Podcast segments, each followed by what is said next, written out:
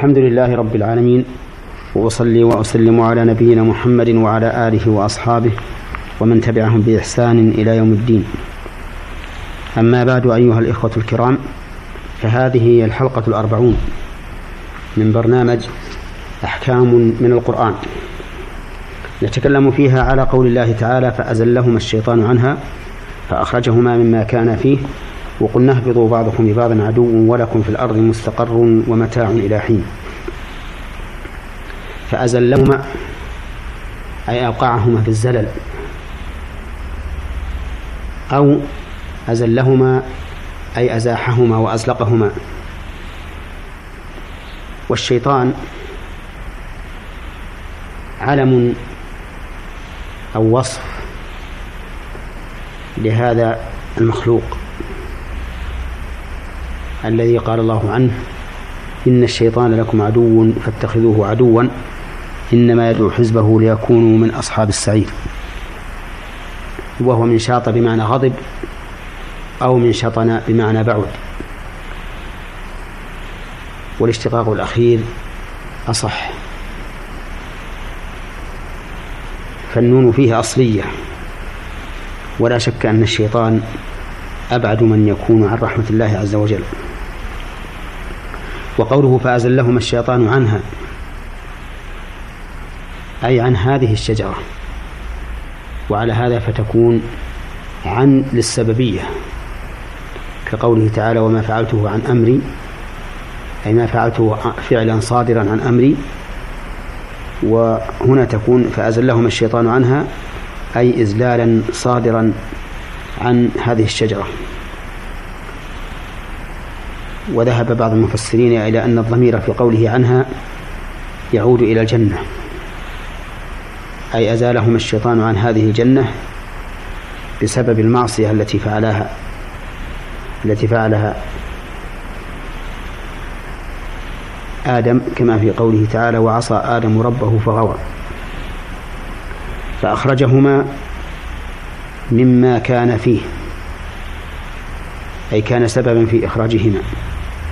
مما كان فيه من النعيم في هذه الجنة وذلك بأن وسوس لهما وقاسمهما إني لكما لمن الناصحين وقال يا آدم هل أدلك على شجرة الخلد وملك لا يبلى فأكلا منها مع أن الله قد نهاهما عن ذلك. وحينئذ أمرهم الله تعالى أن يهبط منها. فقال وقلنا اهبطوا بعضكم لبعض عدو. والضمير في قوله اهبطوا يعود على آدم وحواء. ووجه الخطاب إليهما بصيغة الجمع. إما لأن أقل الجمع اثنان كما قيل به أو لأن الخطاب يشملهما ويشمل ذريتهما. فإن ذرية آدم بصلبه فإذا هبط هبطت الذرية. وقيل إن الضمير يعود على آدم وحواء وإبليس. وأن الله وأن الله أمرهم أن يهبطوا إلى الأرض بعد أن كانوا في السماء. وفي قوله بعضكم لبعض عدو. يعني أن الشيطان عدو لآدم وزوجه وبنيه.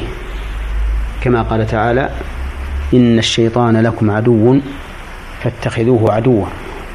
إنما يدعو حزبه ليكونوا من أصحاب السعير. وقوله عز وجل ولكم في الأرض مستقر ومتاع إلى حين. المستقر موضع القرار والمتاع ما يتمتع به الإنسان من طعام وشراب ولباس وغيره.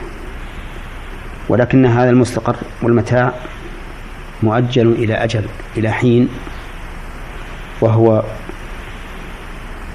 موت الإنسان.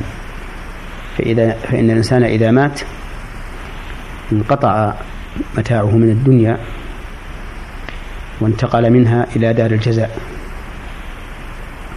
وهذا الحين غير معلوم. لا بالنسبة لكل واحد من الناس وكل فرد من الناس أو ولا بالنسبة للجميع. فإن الله سبحانه وتعالى قال وما تدري نفس بأي أرض تموت. ومن جهل مكان موته فهو لجهل زمان موته أولى وقال عز وجل في علم الساعة يسألونك كأنك حفي عنها قل إنما علمها عند الله. في هذه الآية الكريمة من الفوائد بيان عداوة الشيطان للإنسان. لقوله فأزلهما الشيطان عنها. فإن من عداوته أنه كان سببا في إغواء آدم وزوجه حتى خرج من هذه الجنة التي أسكنهما الله عز وجل إياها. ومن فوائد الآية الكريمة إثبات الأسباب. لقوله فأخرجهما مما كان فيه. وسبب هذا الإخراج أنه لما أكل آدم وزوجه من الشجرة بدت لهما سوآتهما وطفقان وطفقا يخصفان عليهما من ورق الجنة وأمرهما الله عز وجل بالخروج منها. ومن فوائد الآية الكريمة إضافة الشيء إلى سببه وأن للأسباب تأثيرا في مسبباتها لقوله فأخرجهما مما كان فيه. لأن الذي أخرجهما هو الله عز وجل. أمرهما أن يهبطا من الجنة. ولكن السبب في هذا الإخراج هو الشيطان. فنسب الإخراج إليه لأنه سببه. ولا ريب أن الأسباب مؤثرة في مسبباتها. ولكن تأثيرها في مسبباتها من الله عز وجل. هو الذي أودع فيها هذه القوة المؤثرة. وقد انقسم الناس في في الأسباب إلى طرفين ووسط. فطرف من الناس غلا في إثبات الأسباب حتى جعلها مؤثرة بنفسها. وأنكر ما يخرج عن سنة الأسباب. ومن الناس من فرط فيها ولم يجعل لها أثرا في مسبباتها. وقال إن الشيء وقال إن المسبب يحدث عند السبب لا بالسبب. وكلا الأمرين أو وكلا القولين خطأ. فإن من المعلوم بالحس والعقل أن الحجر إذا رمي على زجاجة انكسرت به وأن الورق إذا ألقي في النار احترق بها. ولا أحد ينكر ذلك.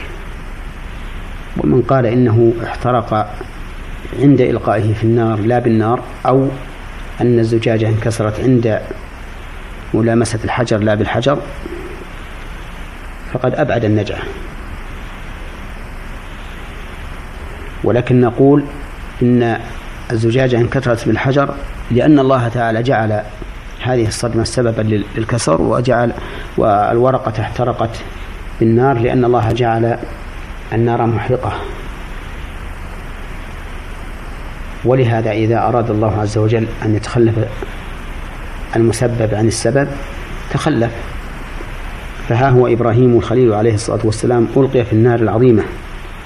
التي أضرمها قومه المكذبون له ليحرقوه بها فألقي في النار. فقال الله تعالى للنار كوني بردا وسلاما على إبراهيم فكانت بردا وسلاما عليه ولم يحترق بها. وهذا دليل على أن الله تعالى هو الذي يوجع في الأسباب ما يجعلها مؤثرة. وأما من قال إن إن الأسباب مؤثرة بذاتها وأنه لا يمكن أن يتخلف المسبب عن السبب فقوله أيضا خطأ. فإن هذا يستلزم إنكار خوارق العادات التي يجريها الله تعالى على غير الأسباب العادية ولا أحد عنده علم بالسمع أو عقل راجح إلا أنكر هذا القول.